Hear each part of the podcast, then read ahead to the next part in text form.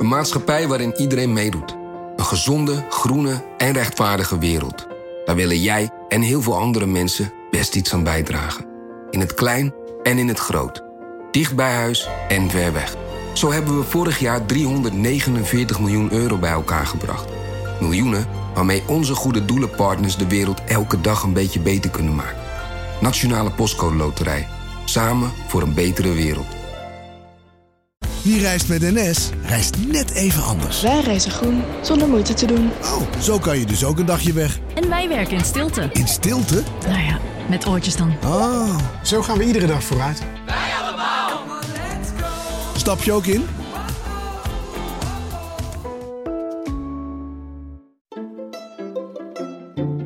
Welkom. Wij zijn Onbehaarde Apen. Dit is een podcast van NRC over wetenschap.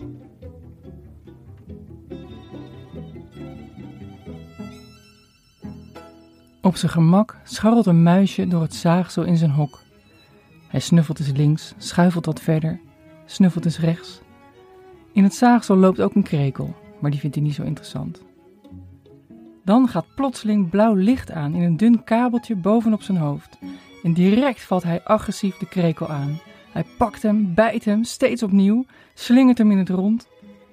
En zodra dat blauwe lichtje uitgaat, scharrelt die muis weer rustig door. Ik zit hier in de studio met Hendrik Spiering en Nicky Korteweg. Hallo. Hi. Hey Nicky, jij vertelde hier een bijzonder verhaal over een muis. Wat gebeurde hier? Ja, die muis die heeft een, eh, die is zo verbouwd dat zijn hersenen, een bepaald gebied in zijn hersenen, gevoelig is voor licht. Eh, en dat is een ge- het gebied voor agressie.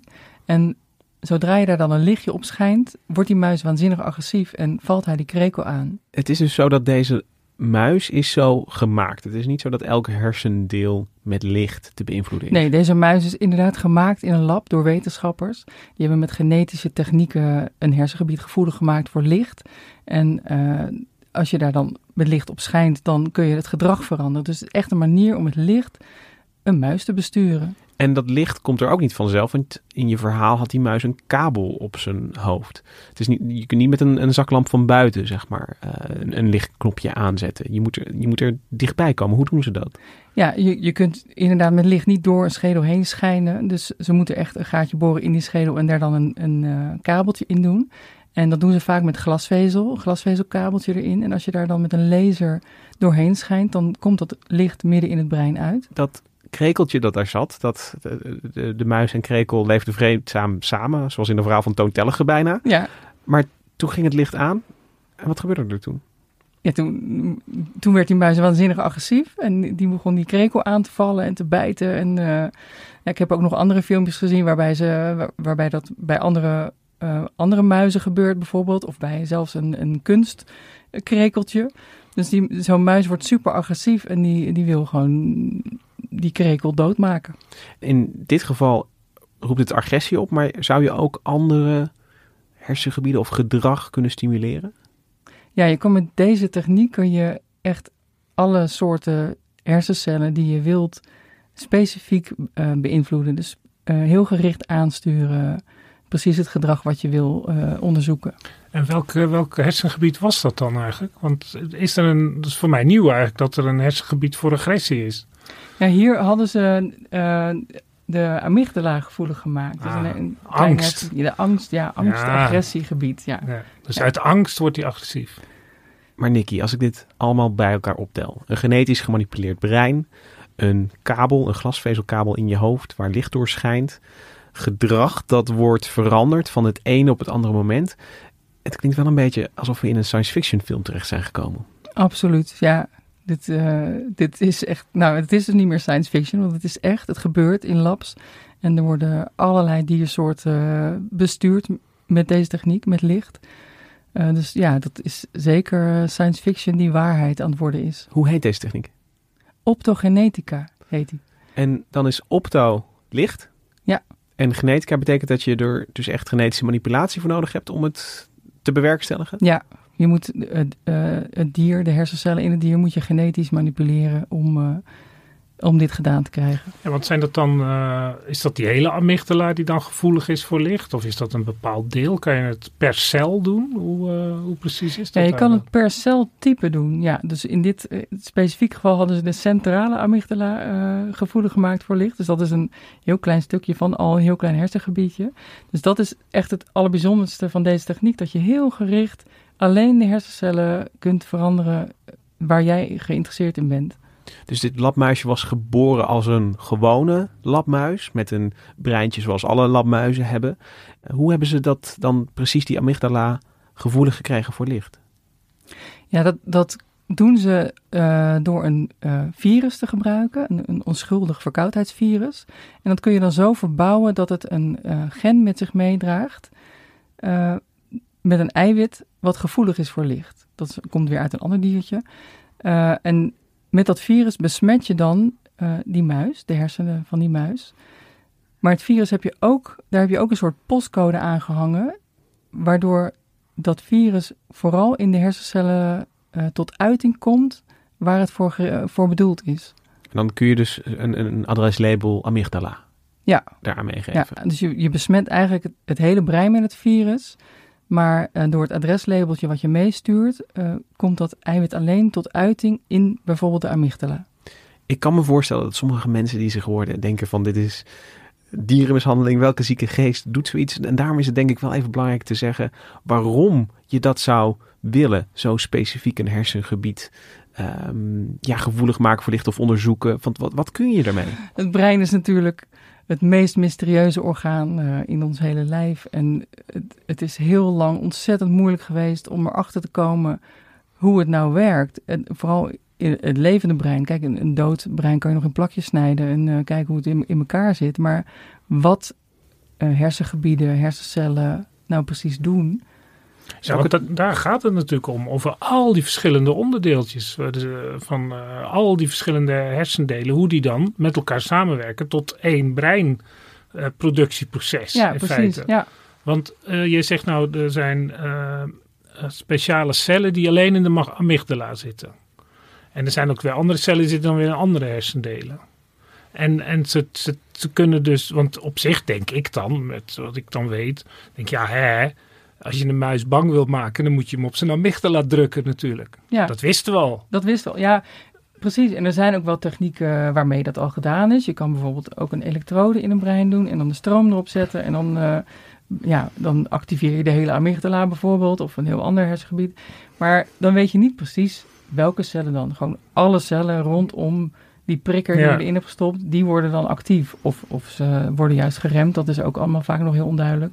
Wat er precies gebeurt, dat, dat, eh, dat zie je daarmee niet. En met deze techniek kan je veel beter uit elkaar halen ehm, ja, wat elke individuele cel doet. En is het dan ook zo dat ze denken, god, eh, eh, we hebben nog een, ergens een hersengebied waar we niet zoveel van af weten. Laten we daar eens licht op schijnen, zeg maar. Ja, nou ja, je moet natuurlijk wel eerst weten welk adreslabel je dan eh, voor die cellen moet gebruiken. Dus dat is al een, eh, een puntje. Maar ja, in principe kan je, dat, kan je alle hersencellen eh, typen afgaan. En, eh, en, ja, hele ontrafelen ja. wat er nou, hoe het nou allemaal zit. Ja. Dus Nou, dat is ook, Kijken wat er gebeurt. ja, Als, als ik zou zeggen dat we nu dus een, eigenlijk een lichtknopje voor elk plekje in het brein hebben, daar is daarmee niets te veel gezegd. Nee, het is echt een, een lichtknopje voor het brein, ja. hersenonderzoekers kunnen gewoon wat ze maar willen, welke vraag ze maar hebben. Ze kunnen nu, als ze maar hè, dat, dat, dat precieze deel gevoelig kunnen maken, dan kunnen ze het onderzoeken. Ja. Het klinkt als een briljant stukje gereedschap, maar ook waar eentje waar heel veel stapjes voor nodig waren om dat zover te krijgen. Welke briljante geest bedenkt zoiets, dat dit überhaupt mogelijk is en, het, en zorgt er dan ook voor dat het kan?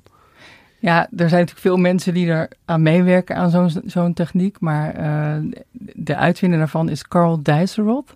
Die heeft daarvoor ook eh, begin deze maand de Heinekenprijs voor gekregen eh, hier in Nederland. En ja, dat is echt een briljant onderzoeker. En ik heb al heel lang, wilde ik hem eigenlijk wel een keer spreken. Dus ik heb Hij mijn stond op jouw wensenlijstje. Hij stond op mijn wensenlijstje. Dus toen hij deze Heinekenprijs won, dacht ik, yes, nu ga ik hem interviewen. En wat is het voor, voor iemand? Uit, uit welke tak van wetenschap komt hij? Ja, dat is het interessante eraan. Deze techniek, eh, hè, waar we het net al even over hadden, die, die is natuurlijk opgebouwd uit allerlei verschillende disciplines. biologie, uh, op, optica, genetica, uh, al die vakgebieden. En Dijsselrot zelf is eigenlijk ja, een soort belichaming ook daarvan. Want die, hij wilde eigenlijk schrijver worden. Um, maar uiteindelijk is hij biochemie gaan studeren aan Harvard. Summa cum laude ook afgestudeerd. En daarna is hij geneeskunde gaan doen. Want hij dacht, ik wil hersenchirurg worden. En uh, nou, op, een, uh, op de eerste dag van zijn uh, medische stages, hè, mensen die arts worden, die moeten altijd op alle vakgebieden stages lopen, kooschappen lopen. En hij werd geplaatst bij, bij psychiatrie en hij vond het eigenlijk helemaal niks. Maar op de eerste dag daar had hij een ontmoeting met een patiënt die enorm in de war was. En hij zei dat was echt een levensveranderend moment. But one of the doors was accidentally unlocked and, and a patient uh, came bursting into the nurse's station and was standing right uh, above me and was yelling at me um, with a very complicated, uh, you know, uh, altered reality that he was describing in a very agitated way. For some reason, I wasn't, I wasn't frightened or worried. I was just, uh, I was just enthralled, really, uh, both both disturbed and enthralled. And I, you know, I wanted to help him, but it was also it was such a different uh, view of humanity, one that I had never had before. And so it was, it was a, really a, a life-changing moment. Want hij vond het zo uh, indrukwekkend hoe dat nou kon dat zo iemand een heel andere beleving heeft van de werkelijkheid dan hij. Door het brein, dat hij dacht, ik word psychiater. Dus hij is ook psychiater. Hij is één dag in de week, uh, helpt die patiënten. En alle andere dagen van de week is hij uh, onderzoeker in een fundamenteel lab. En ja, inmiddels heet hij bioengineer. Dus ja, hij is echt iemand die, die fysica en biochemie en biologie en genetica en alles combineert. Maar je noemt hem nu een, een bioengineer. Dat klinkt ook al als, als iemand die ja, zeg maar over de, de traditionele grenzen van zijn vakgebied heen springt en, en van alles erbij plukt wat hij kan vinden. Ja, hij plukt van alles bij elkaar. En, en die optogenetica ook. Dat is een, een een samenraapsel van groene algen, blauw laserlicht, virussen en glasvezelkabeltjes. Ja, dat, hoe je daar opkomt, dat, uh, ik vind dat heel, heel wonderlijk. Dus ik stel me zo voor, Dijsselhoff gaat met zijn winkelmandje door de genetica en, en door die biologie heen, plukt alles bij elkaar. Zijn hersenonderzoekers hem dankbaar? Enorm dankbaar. Echt, ze noemen het Gods geschenk aan neurofysiologen. En um, dat is natuurlijk omdat, het, omdat zo lang dat brein zo mysterieus en ondoordringbaar was. En hiermee kunnen ze daar eindelijk uh, nou, letterlijk licht op werpen. Ja, dat vind ik wel een. een uh, dat maakt het ook bijna geheimzinnig als metafoor ook. Omdat ja, het, het, het, de schedel is natuurlijk gesloten. Er komt nooit licht in, behalve als er iets misgaat. Behalve als je een glasvezelkabel in doet. Ja, of bij deze techniek dan. En ja. dan uh... Het is nog niet zo lang geleden dat hersenonderzoek inderdaad met, met uh, dat je daar eerst de schedel doorheen moest of voordat je ja, er nee, uh, iets kon bereiken. Ja, want dat is, uh, we, zijn, het is, we leven wel in een tijd van enorme vooruitgang op dat gebied. Maar als je het nu wat, wat groter bekijkt, dan is eigenlijk pas sinds de tweede helft van de 19e eeuw. En ik denk dat je geschiedenis van hersenonderzoek in tweeën kan verdelen. Je hebt de functie van het brein, van wat doet wat. En je hebt de anatomie, dat, dat ligt natuurlijk dicht bij elkaar.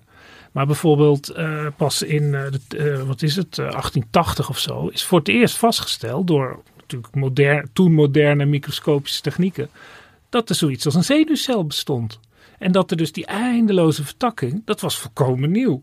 Dan kun je nu, het wordt, wordt nu op de lagere school onderwezen. En toen was dat ook, later heeft die man ook de Nobelprijs gekregen. Ja, Ramon Cajal. Ja, ja, die is het, ja. En, maar de functie, dat is denk ik eh, de doorbraak in 1861. Uh, eh, ontmoette Paul Brocca, een Franse arts, een, een, een, jongen met een tragische hersenaandoening. Louis Le Borgne. Maar zijn verzorgers kenden hem als Tan. Tan. Omdat dat het enige was wat hij nog kon zeggen. En hij was verder volkomen normaal. Hij kon denken, maar hij kon alleen niet meer praten. Dus, dat moet een, echt een drama zijn geweest. Tegenwoordig zou je dan afasie zeggen. En uh, door een ongelukkig toeval, maar voor de neurologie uh, gelukkig, overleed die man, die jongen, een paar dagen later. En toen is de sectie op hem verricht. En toen zag Paul Brocca dat hij dus een, een hersenbeschadiging had in wat we nu kennen, het eh, gebied, of ja, gebied Ja, het dat, gebied van Broca. het gebied ja. van Broca. En is dat eh, eigenlijk de geboorte van... Nu is dat ook heel normaal dat je zo'n... een- Ja, dan krijg je een soort eh, kaart van de hersenen te zien. Dat er een beetje aangewezen wordt. Nou ja, dat zit daar, dat zit daar. Dat begint hier eigenlijk met ja, dat begint eigenlijk hier. Het iets ouder is wat, wat, wat we wel kennen als de frenologie. Daar hebben we nog steeds de wiskundeknobbel aan te danken. Maar dat was eigenlijk flauwekul. Ja, toen was het misschien wetenschappelijk, want het was een hypothese die ze aan het testen waren, zullen we maar zeggen. Maar het klopte gewoon niet. Dat er dus allemaal bulten op je hoofd zaten. En dat bepaalde dan de functie van eh, wat eronder zat. Maar dat was gewoon onzin. Dit is, dit is zeg maar de verwetenschappelijking van dat idee. Ja, vooral ook omdat er toen korte tijd daarna nog een andere patiënt eh, opdook die hetzelfde had in hetzelfde gebied. Die kon dan geloof ik vijf woorden zeggen. Dus zo ontstond dat. En een paar jaar later was er een Duitser, eh Karl Wernicke. Het gebied van Wernicke, dat is dan weer net een ander taalgebied. Dus dan zie je ook, eh, die taal, die, die, die was natuurlijk heel duidelijk. Want iemand kon ineens niet meer praten. Hé, hey, hij heeft een tumor in dat gebied. En zo in de Eerste Wereldoorlog is dat dan nog versneld, die kennis omdat er toen, ja, ook weer zo'n tragische eh, kwestie. Heel veel gigantische soldaten- oorlog. Ja. Ja, heel veel soldaten eh, met kogels in hun hoofd of een granaatscherf. En ja, dat is dan weer de andere kant. In de oude oorlog gingen die allemaal dood. Maar de medische zorg was weer zo ver dat die mannen ook weer konden blijven leven. Dus dan, dan werd dat weer precies nagekeken met röntgenstraling waar het zat. En zo bouwde zich dat dan op.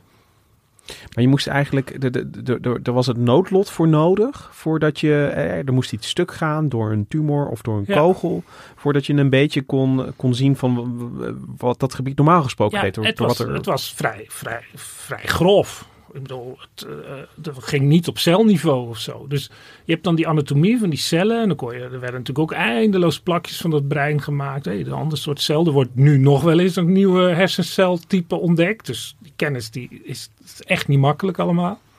En de grootste verdere stap is dan eigenlijk nog zou je kunnen zeggen dat, dat er dan langzaam psychiatrische medicijnen komen, bijvoorbeeld lithium.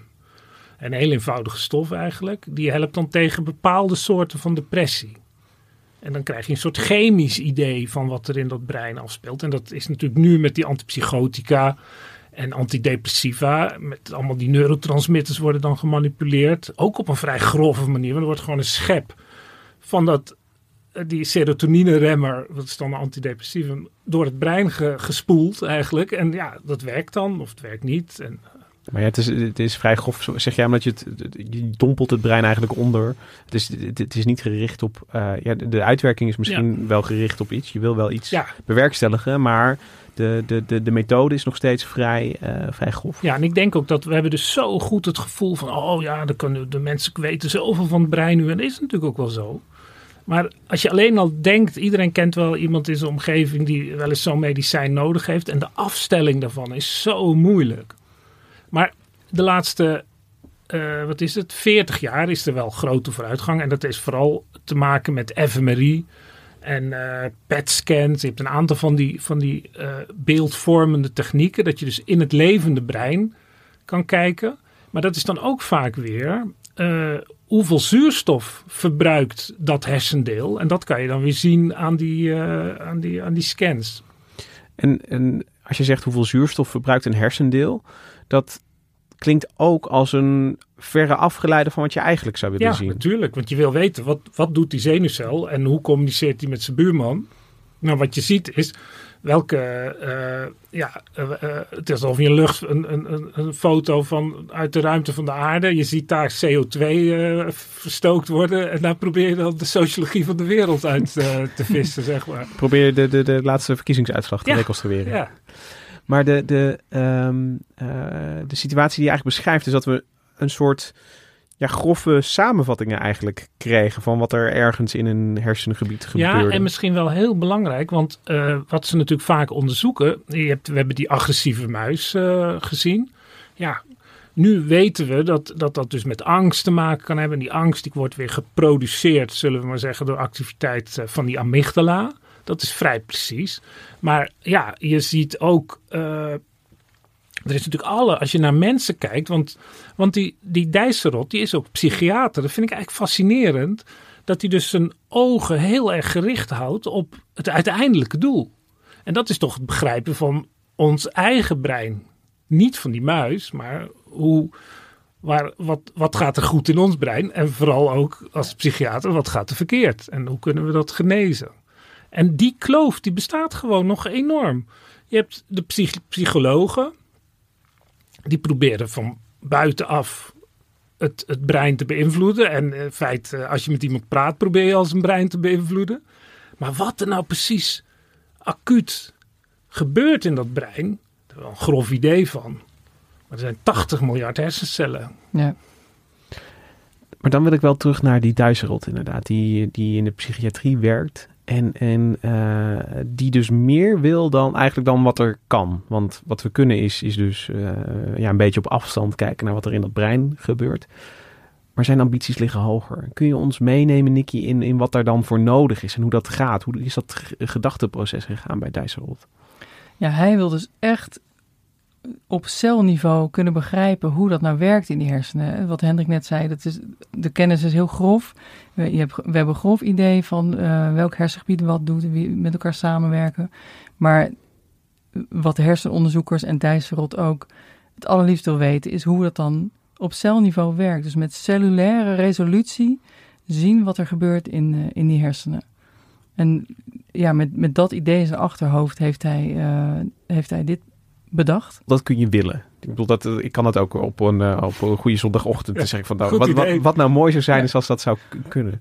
Maar ja, er zijn inderdaad al, al tientallen jaren heel veel wetenschappers die dat heel graag wilden. Ja, En, en, nou, sterker nog, al honderd jaar geleden wisten ze dat er hersencellen waren, maar wat dan het verband was met geheugen. Nobody, ja, nu weten we dat een beetje. Maar... misschien zou Ramonica Gal het ook al wel gewild hebben. Ja, dat weet ik wel zeker.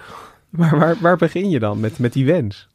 Ja, dat, dat is ook weer een lang proces. Um, Francis Crick van Watson en Crick, die de, de, Nobelprijs hebben gekregen voor de ontdekking van de DNA, de dubbele helix van DNA, die uh, heeft het al een, een, al een tijdje eerder geopperd dat het misschien best wel mogelijk zou moeten zijn met genetische technieken om hersencellen gevoelig te maken voor licht. Want licht is heel snel en dan kun je, en zenuwcellen die, uh, die werken ook heel snel. Die communicatie tussen hersencellen is heel snel. Dus hij dacht dat is misschien wel een hele goede manier om snel en gericht uh, hersencellen te kunnen besturen. Maar ja, hoe dat dan moest, dat moesten dan de moleculaire ja, biologen maar uit, uh, uitzoeken. Want gevoelig is dan dat je ze tot activiteit aanzet. Ja, dat je ze prikkelt om... Om, om iets uh, te doen, wat ze normaal doen. doen. Ja, om hun signaal door te geven aan, aan, de, aan de buurman eigenlijk. Dat is wat ze doen. Ja. ja. En wat een anatoom dan zegt is, dan, dan vuurt de, de zenuwcel. Dat wil ja. je eigenlijk bewerken. Dat, die, dat, die, dat je eigenlijk de trigger hebt, waarmee de trekker waar, die je kan overhalen zodat de zenuwcel vuurt. Stel ja. ik me zo voor. Ja, ja een elektrische klopt. vonk aan zijn buurman geeft, waardoor er weer een chemisch proces tot gang op stand komt. Want het is chemisch en elektrisch door elkaar. Ja. Maar... En er was ook al heel lang bekend dat, uh, dat er hele simpele organismen zijn uh, die lichtgevoelige eiwitten hebben. Er is bijvoorbeeld een, een zoetwateralgje en dat heeft een, een lichtvlek, een soort primitief oog uh, op zijn buitenkant. En als daar licht op schijnt, dan gaan er twee zweepstaartjes bewegen, waardoor die gaat zwemmen. Dus hij zwemt richting het licht. Nou, dat komt door een lichtgevoelig eiwit wat in dat vlekje zit. En dat eiwit, dat is eigenlijk een soort kanaaltje in de celwand van dat algje. Een algje is gewoon een eencellige en in zijn buitenkant zitten dan allemaal kanaaltjes, een soort gaatjes. En die gaatjes zitten normaal dicht, maar als er dan licht op schijnt, dan gaan ze open en dan stromen er positief geladen deeltjes naar binnen. En daardoor gaan die zweepstaartjes bewegen. Nou, de lol is dat zenuwcellen, daar stromen ook positief uh, geladen deeltjes in en uit. En als daar deeltjes in stromen, dan is dat het signaal voor een zenuwcel om te gaan vuren. Dus het idee van Dijsselt was van ja, als ik nou dat kanaaltje in een hersencel kan zetten en er dan licht op schijnt, dan heb ik de aanknop. Dat is eigenlijk het geniale idee. Dat hij iets had gelezen over die alg, neem we reden. Ja. En dat hij dat verbond met hoe zenuwcellen werken. Want een alg is geen zenuwcel. Nee. Ja, dat geniale idee en het idee uh, hoe je dat dan bereikt. Want ja, ja. ja dan moet je natuurlijk uh, be ook bedenken dat je dan daar een virus voor neemt en daar dat gen in stopt. Uh, en, en daarmee hersencellen besmet. Dus dat, dat is een enorm lang proces geweest. Maar uiteindelijk in, eh, in 2005 eh, heeft hij kunnen laten zien dat dat werkt in een kweekbakje met hersencellen. Die hersencellen had hij zo genetisch gemanipuleerd dat ze dat kanaaltje maakten. En er scheen er een lampje op en eh, bam, ze gingen aan. Maar dat lijkt me dan al een heel significant moment dat je zeg maar, dat idee hebt van, van die alg en je krijgt het ook werkend, zeg maar, je, je laat het principe zien. Dan, dan, dan heb je al een hele grote hobbel overwonnen. Ja, zeker. En ik denk dat het in het lab van Dijsselrot ook echt wel een feestje was. Maar uh, medewetenschappers die waren toch nog wel kritisch. Want ja, dan werkt het natuurlijk nog niet in een, in een dier, zeg maar. Dat zijn allemaal vragen die je nog moet beantwoorden. Werkt dat dan in, uh, in een dier? Is het niet giftig? Hoe krijg je het in godsnaam in die cellen?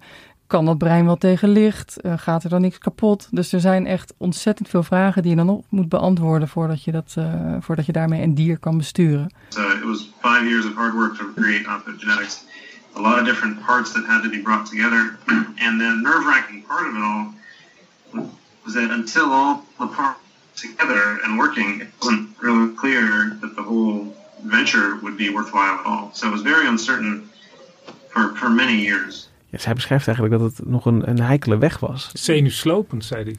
Ja, zenuwslopend en, en totaal nog niet duidelijk of het überhaupt ooit wel zou lukken. Dus dat is ook wel echt een he hele luxe positie als wetenschapper. Dat je gewoon uh, budget krijgt en mensen om zoiets uit te zoeken. Wat, ja. ja, maar hij steekt ook zijn nek uit om dat te gaan doen. Want voor hetzelfde geld is hij uh, tien jaar bezig met iets wat, wat niet werkt. Ja. We hebben hier wel met iemand te maken die heel duidelijk weet wat hij wil. Want ja, iemand die gefascineerd is door psychiatrie en hersenwetenschap, ja, die moet zich er maar toe zetten om uh, uh, zeg maar met, met genetica en met algen te gaan uh, ja. knutselen. Want dat, dat zijn niet per se overlappende interesses. Dus hij gaat dat wel allemaal doen, omdat hij heel duidelijk weet wat hij wil. Ja, hij heeft duidelijk, in zijn onderzoek is hij echt duidelijk gericht op fundamenteel hersenonderzoek. Echt gewoon de basis leren kennen van, van alles wat wij denken en doen. En, en wat zit er dan, uh, wanneer is het moment dat hij echt denkt van, ja, dit werkt in een brein, hier hebben we iets aan. Hoe lang duurt dat? Ja, dat heeft dus nog wel vijf jaar geduurd. In 2009 is het echt gelukt om, om dat in een, in een dier werken te krijgen, in een muis. En, uh, en inmiddels hebben ze ook een uitknop gemaakt. En, uh, een uitknop, wat is dat dan? Nou, dit is een aanknop, zeg maar. Je, doet blauw licht aan en dan, uh, dan gaat de hersencel aan. En dan doe je het licht uit en dan, dan houdt die dan houdt dat op, op, om ja. dat voorbeeld te noemen. Ja, maar er zijn ook, ja, dus met een ander eiwit uit een oerbacterie, een Archaea-bacterie, um, die weer reageert op geel licht.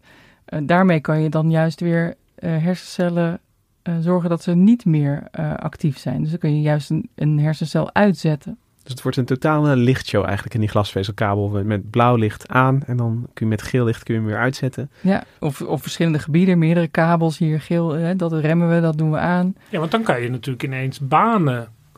Uh, want daar, nu, dat voorbeeld, dat, dat blijft me maar in mijn hoofd zingen van die bange muis, die dan agressief wordt.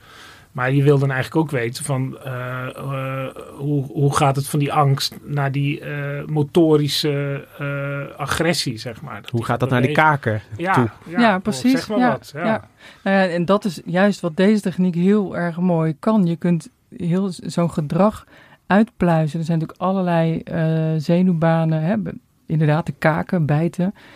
de angst, de, de motorische aansturing. En die kun je allemaal omste de beurt aan en uit zetten. Ja, want hij heeft hier dus nog een visuele input nodig van die krekel. Als er geen krekel was, zou hij misschien niet agressief worden, omdat hij dan niet bang was. Nou jawel, hij valt echt van alles aan. Oh. Ook gewoon ook stilliggende dingetjes. Zijn eigen eten. Ja.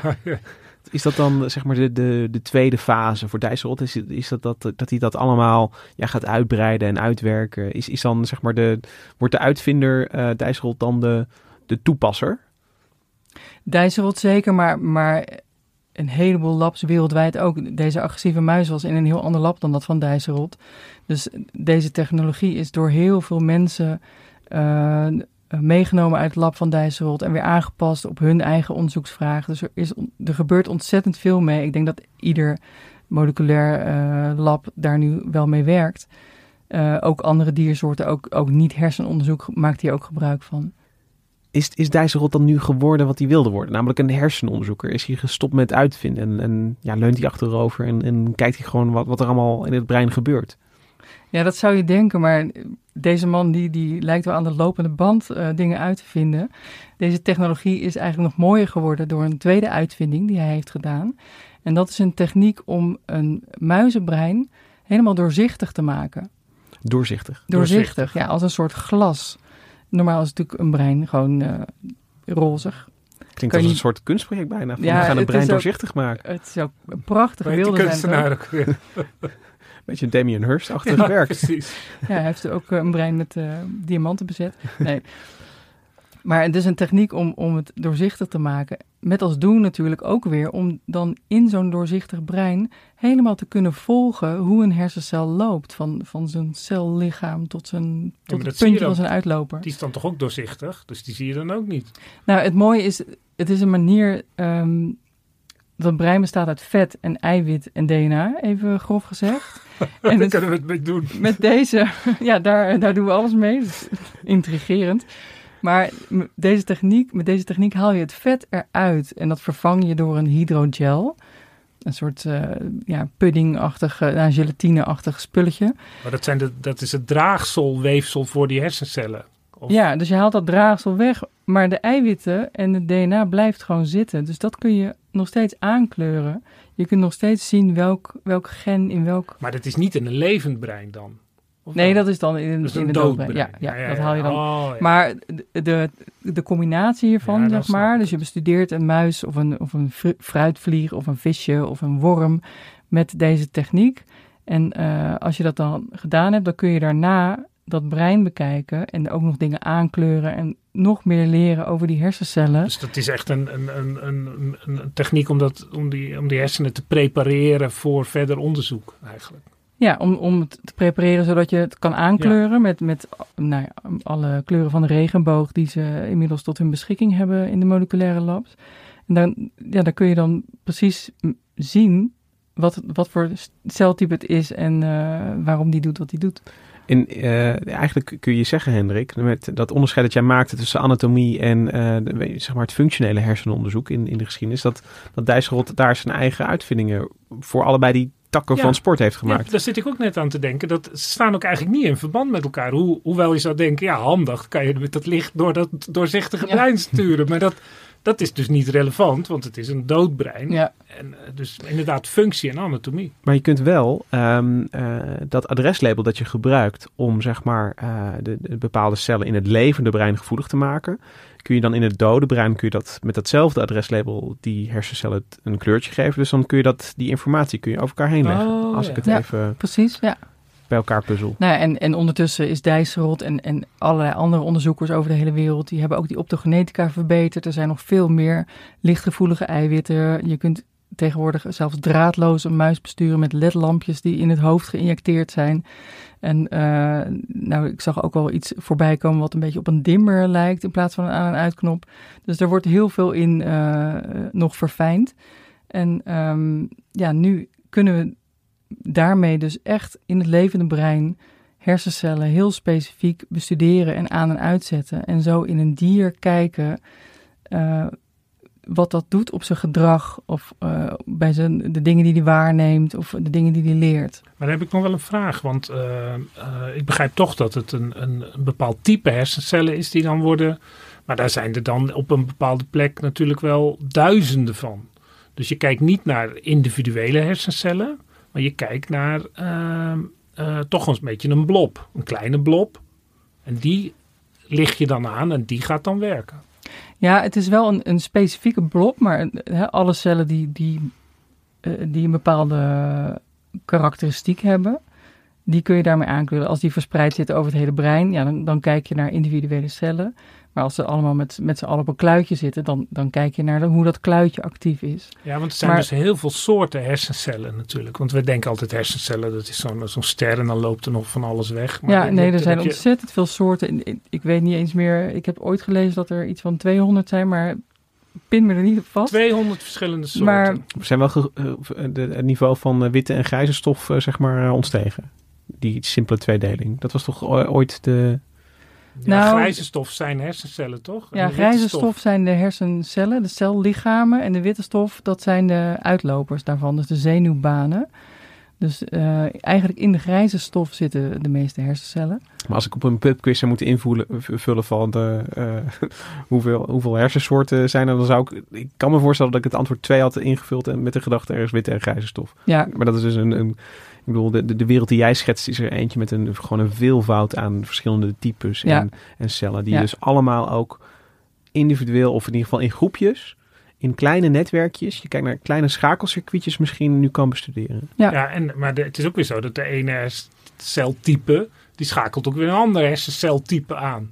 Het ja is precies. niet zo dat dus ze alleen wil maar je met dan... elkaar praten Nee, natuurlijk. dus misschien kun je die dan ook, hè, de een met blauw Ja. licht en de ander met geel licht. eh, ja, je kunt zo'n heel netwerk eh, Dat is uitpluizen. echt voor eeuwen werk. Ja, ja. En, en we, we zijn er maar net begonnen. we begonnen deze aflevering met die angstig agressieve muis. Maar ik ben wel benieuwd van wat voor, op wat voor soort gebieden en gedragingen is dit inmiddels nog meer toegepast? Wat, wat kunnen we nu begrijpen wat we eerst niet begrepen?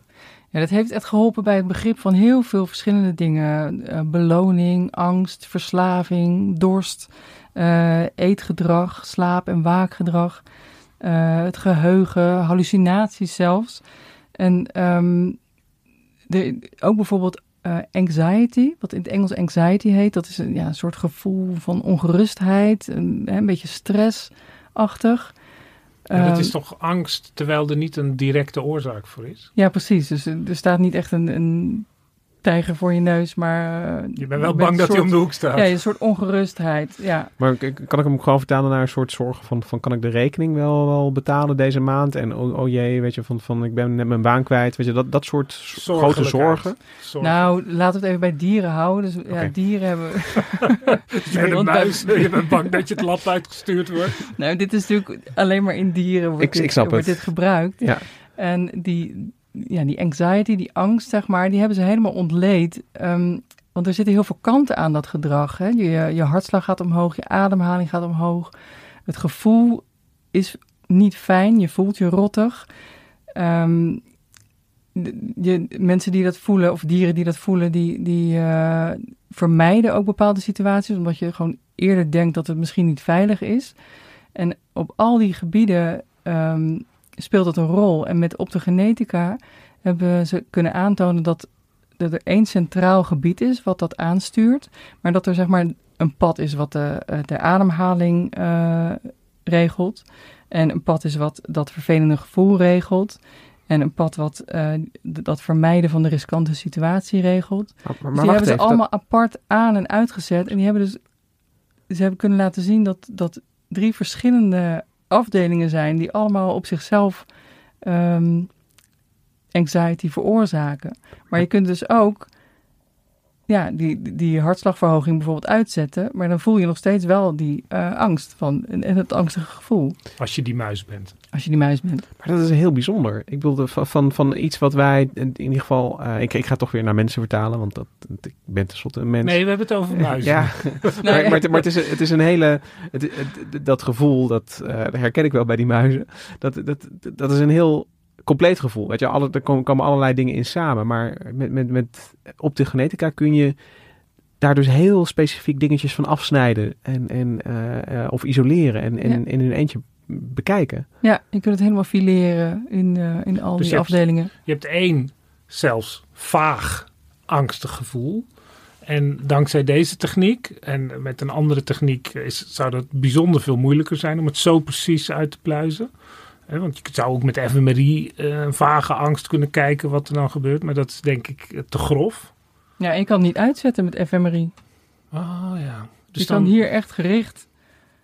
Ja, Dat is door- het natuurlijk. Bij de muis hè, wel angstig, maar eh, hij vermijdt niet, toch niet meer de, de enge situaties. Muizen bijvoorbeeld, die vinden een, een, een hokje waar, waar het licht in schijnt, vinden ze eng. En een donker hokje vinden ze fijn. En eh, angstige muizen zitten gewoon nog vaker in het donkere hokje dan, eh, dan gewoon normale muizen.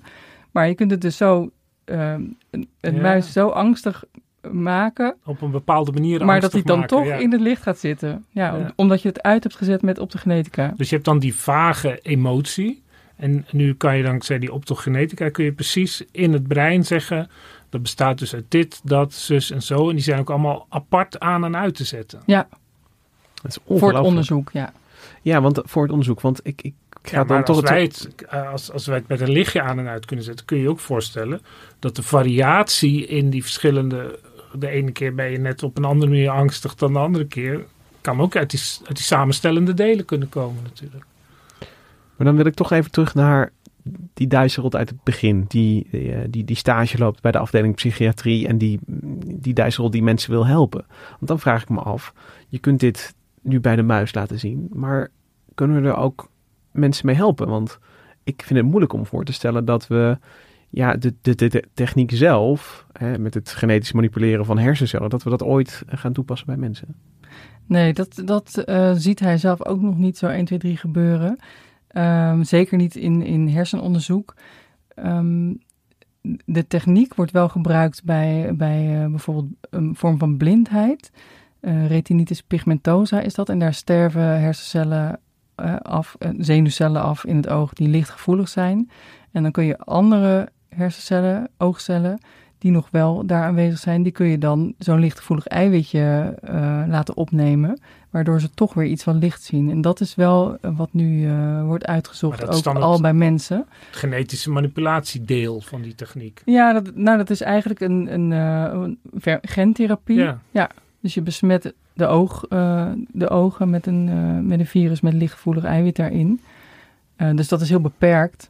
Ehm, maar echt in, in de hersenen wordt dit nog niet toegepast. En dat zal ook echt niet zo snel gebeuren. Want daarvoor is gewoon nog veel te weinig hierover bekend. Over de hersenen zelf, maar ook over bijvoorbeeld zo'n ja, zo'n alge-eiwit. Wat doet dat dan in, de, in een mensenbrein? Dat is... eh, Maar er zijn wel vergelijkbare technieken met Parkinson en zelfs met depressie, maar dan op een totaal andere manier met e- elektrodes die dan op een bepaald deel in het brein worden ge- gezet, die dan aangezet worden en dan wordt het ook weer precies uitgemeten hoe dat precies uitpakt, zodat ze eh, eh, minder last van die eh, symptomen hebben. Ja, precies. Ja, en dat zijn ook best effectieve technieken. Vaak echt wel eh, twee derde van de mensen die knapt daarvan op bij, bij depressie en Parkinson bijvoorbeeld. Dat, dat is nog vrij ongericht, eigenlijk waar we het net over hadden. Ongeveer hier zet je dan Ja. de elektroden neer. En, en, nou, en dan zie je dat het werkt. En ja, het zal dus niet zo snel gebeuren dat met optogenetica dat dat nog veel gerichter zal worden. Daarvoor is echt nog veel te weinig bekend. Maar het helpt natuurlijk wel, dit soort onderzoek, Ja. om dan te weten waar je dan die elektroden nog beter zou Ja, kunnen zetten. lijdt aan angstigheid en het Ja. is zo erg dat je zo'n ingrijpende therapie moet eh, volgen, dan weet je precies hè, op welke eh, plekjes je moet prikken. Ja. Omdat een muizenbrein en een mensenbrein, is een enorm verschil, maar het lijkt toch wel heel erg op elkaar. Maar het mooie is eigenlijk, hè, de techniek wordt dus niet nog gebruikt om, om bijvoorbeeld mensen met angststoornis of depressie te behandelen. Maar mensen die daaraan lijden, die hebben er toch wat aan, vertelde Dijsselrot. Want hij, hij krijgt heel veel eh, brieven van mensen die, die ongelooflijk gelukkig zijn om te weten dat de angst die zij voelen, gewoon die, die rottige ja, psychiatrische aandoening eigenlijk die ze hebben, dat dat toch veroorzaakt wordt door een samenspel van, van cellen en zenuwen. And they were so grateful that we had shown this biological, this explicit, concrete, cellular biological underpinning of this state because uh, it's they and, and really all psychiatric patients have a very severe challenge in, in that many people don't understand how biological and physical the disorder actually is. Ik vind het wel heel mooi wat Dijssel hier zegt, want ehm, het is eigenlijk de, de troost van kennis die hij beschrijft. Dat zodra je kan uitleggen aan mensen dat ehm, een bepaalde angstroute nou eenmaal ja, zo is geprogrammeerd, of dat ze- zenuwcellen nu eenmaal zo en zo reageren, dat, er, eh, ja, dat je daar, als je daar last van hebt, dat je daar toch een, een soort troost in kan vinden dat het, dat het zo is. Ja, en ik kan me ook voorstellen dat het, dat het ook al helpt voor jezelf om te weten van oké, ik voel me nu heel angstig en, en ongerust. Maar ehm, dat is nergens voor nodig. Hè? En het is misschien gewoon iets in mijn hoofd wat dat veroorzaakt. Dat het daardoor al minder angstig wordt. Ja, ik kan me wel voorstellen dat dat, dat is natuurlijk ook zo. Dat je, eh, dat, eh, dat dat troost biedt. Zoals je bij wijze van spreken ook denkt van ik voel me eh, ziek, maar ik weet het komt door een bacterie. En weet je, dat geeft gewoon gevoel van dat je het verband voelt van hoe het veroorzaakt. Maar ik vind het aan de andere kant, vind ik het ook eigenlijk, en ik, ik snap het volkomen, hè, want zo in die wereld leven we nu nog. Maar tegelijkertijd is dat natuurlijk kennis. En die hebben we helemaal niet aan dit apparaatje te danken. Want in feite is dat sinds Broca is de groei van de kennis. Dat er dus allerlei functionaliteiten in het brein zitten. En het, het, uh, waar moet het anders vandaan komen, die angst, zeg maar. En ook door antidepressiva, antipsychotica. Dat helpt natuurlijk ook niet bij iedereen, dat snap ik ook wel. Maar het is toch duidelijk dat dat zeg maar het denken en het gedrag wordt geproduceerd door het brein. Toch is er denk ik een verschil tussen uh, uh, mijn rottere gevoel komt uh, uit mijn brein. zeg maar ja, dat, dat, dat is inderdaad nogal wie dus. Want onze hele beleving van onszelf en de wereld komt uit ons brein. Nou ja, maar, niet iedereen vindt dat nog. Er zijn ook mensen die denken dat het een soort algemene geest is. Die, uh... Ja, vooruit. Maar even de, de, de, de, de, het idee van, van roddergevoel komt uit je brein. Ja, de, de... Neem maar een pilletje, zeg maar. Dat is maar, dan... maar, maar, het gevoel is er dan nog steeds. Maar, maar toch uh, uh, is hoe preciezer je dat kan invullen. En, en weet je, hoe duidelijker dat is. En, en dat uh, even tussen aanhalingstekens, hè, de wetenschap uh, heeft laten zien waar een, een, een specifieke angst of ongerustheid of andere aandoening precies zetelt, dat dat wel um, een, een extra laag toevoegt. En het, het is de precisie bedoel de, je? De precisie daarvan. Ik, ik, ja, ik denk wel dat dat, wel dat, dat, dat er in, in, in de mate waarvan... Van, ik snap wel dat Dijssel dat soort, dat soort e-mails krijgt. En dat, ja, mensen, dat snap ik ook wel. Maar... Uh, dat, dat, dat mensen dat uh, denken. Van, van oh, het is... Het is het, het, het, is één ding om te zeggen, we zijn ons brein. En een ander ding om te zeggen van kijk, uh, uh, angst is uh, iets wat we heel goed begrijpen. We kunnen het opdelen in een fysiologische reactie van, van, van, je hart en dit en dat en dat. Dat geeft wel grip, denk ik. Ja, nou het interessante is natuurlijk dat het troost biedt, kennelijk. Want zeker bij, bij, bij psychiatrische patiënten is altijd natuurlijk ook een ja, een soort schaamte. En dat is vaak een morele veroordeling, nog uit het verre verleden. Terwijl ja, die dingen gebeuren gewoon. En ja, dit, dit is, uh, het wordt vaak gezien als uh, je eigen schuld. Of, maar ja, dan blijkt het dus gewoon. En een, zoals je, vroeger was je depressief omdat je dan uh, de neurotransmitters had niet goed. Zo wordt er dan soms over gesproken. En dat is natuurlijk een manier van praten waardoor je er afstand van kan nemen. En dat is een deel van het genezingsproces, ja, door er afstand van te nemen natuurlijk. Dus ja, het voegt iets toe in de precisie. Ja. Zo dat, dat vind ik dat Lucas dat wel goed zegt, ja. Nou, en de acceptatie misschien ook. Hè? Acceptatie is natuurlijk ook... Ja, maar dat hadden we toch ook al met, met uh, al die uh, antidepressiva. Dat ja, was toch ook maar dat is, heel dat precies is eigenlijk. Een stapje daar naartoe, ja. ja. Maar de, ik bedoel, aan anti, dit, dit, is weer een andere categorie angststoornissen bijvoorbeeld, die, uh, die je ook dus uh, nu in, in ieder geval een betere verklaring ja. kan bieden dan, dan degene die we hadden. Ja, want een angststoornis is, is weer wat anders dan depressie. Dat ja. is natuurlijk zo. En daarin vind ik het wel mooi dat Dijsselrot dus eigenlijk, ik, ik blijf maar aan die, de, de, de stagiair Dijsselrot uh, denken, dan misschien toch de psychiatrische patiënt uh, een beetje geholpen heeft. Misschien niet helemaal op de manier die hij toen kon voorzien. Of uh, op de manier die hij misschien, misschien het liefst zou willen. Maar ja, door het, geven van die kennis is hij toch... Uh, is hij daar toch in, een beetje in de buurt gekomen? Hoe zie jij dat? Ja, dat, zeker dat. Ik denk dat dat, dat hem ook wel verrast heeft. En dat laat ook wel weer zien dat, dat die twee kanten van hem... Hè, het feit dat hij psychiater is en fundamenteel hersenonderzoeker dat hij dan ook dat soort mails krijgt en dat hij daar dat hij dat zo bijzonder vindt dat hij dat ook deelt. Dat zou ook niet iedere fundamentele hersenonderzoeker doen. Maar hij vertelt het misschien ook aan zijn eigen patiënten natuurlijk. Ja, dat, nou dat zou nog kunnen, ja. nou, ik denk dat we met uh, deze cirkelbeweging weer eigenlijk helemaal terug naar het begin van de carrière van Dijsselrot ook aan het einde gekomen zijn van deze aflevering. Niki Korteweg, Hendrik Spiering, heel erg bedankt dat jullie hier kwamen vertellen over hersenwetenschap en optogenetica. Kim Kappendijk, bedankt voor de productie van deze aflevering. Mijn naam is Lucas Brouwers. De muziek die je hoort, die is ingespeeld door het Dudok Quartet. Wij zijn er volgende week weer. Tot dan.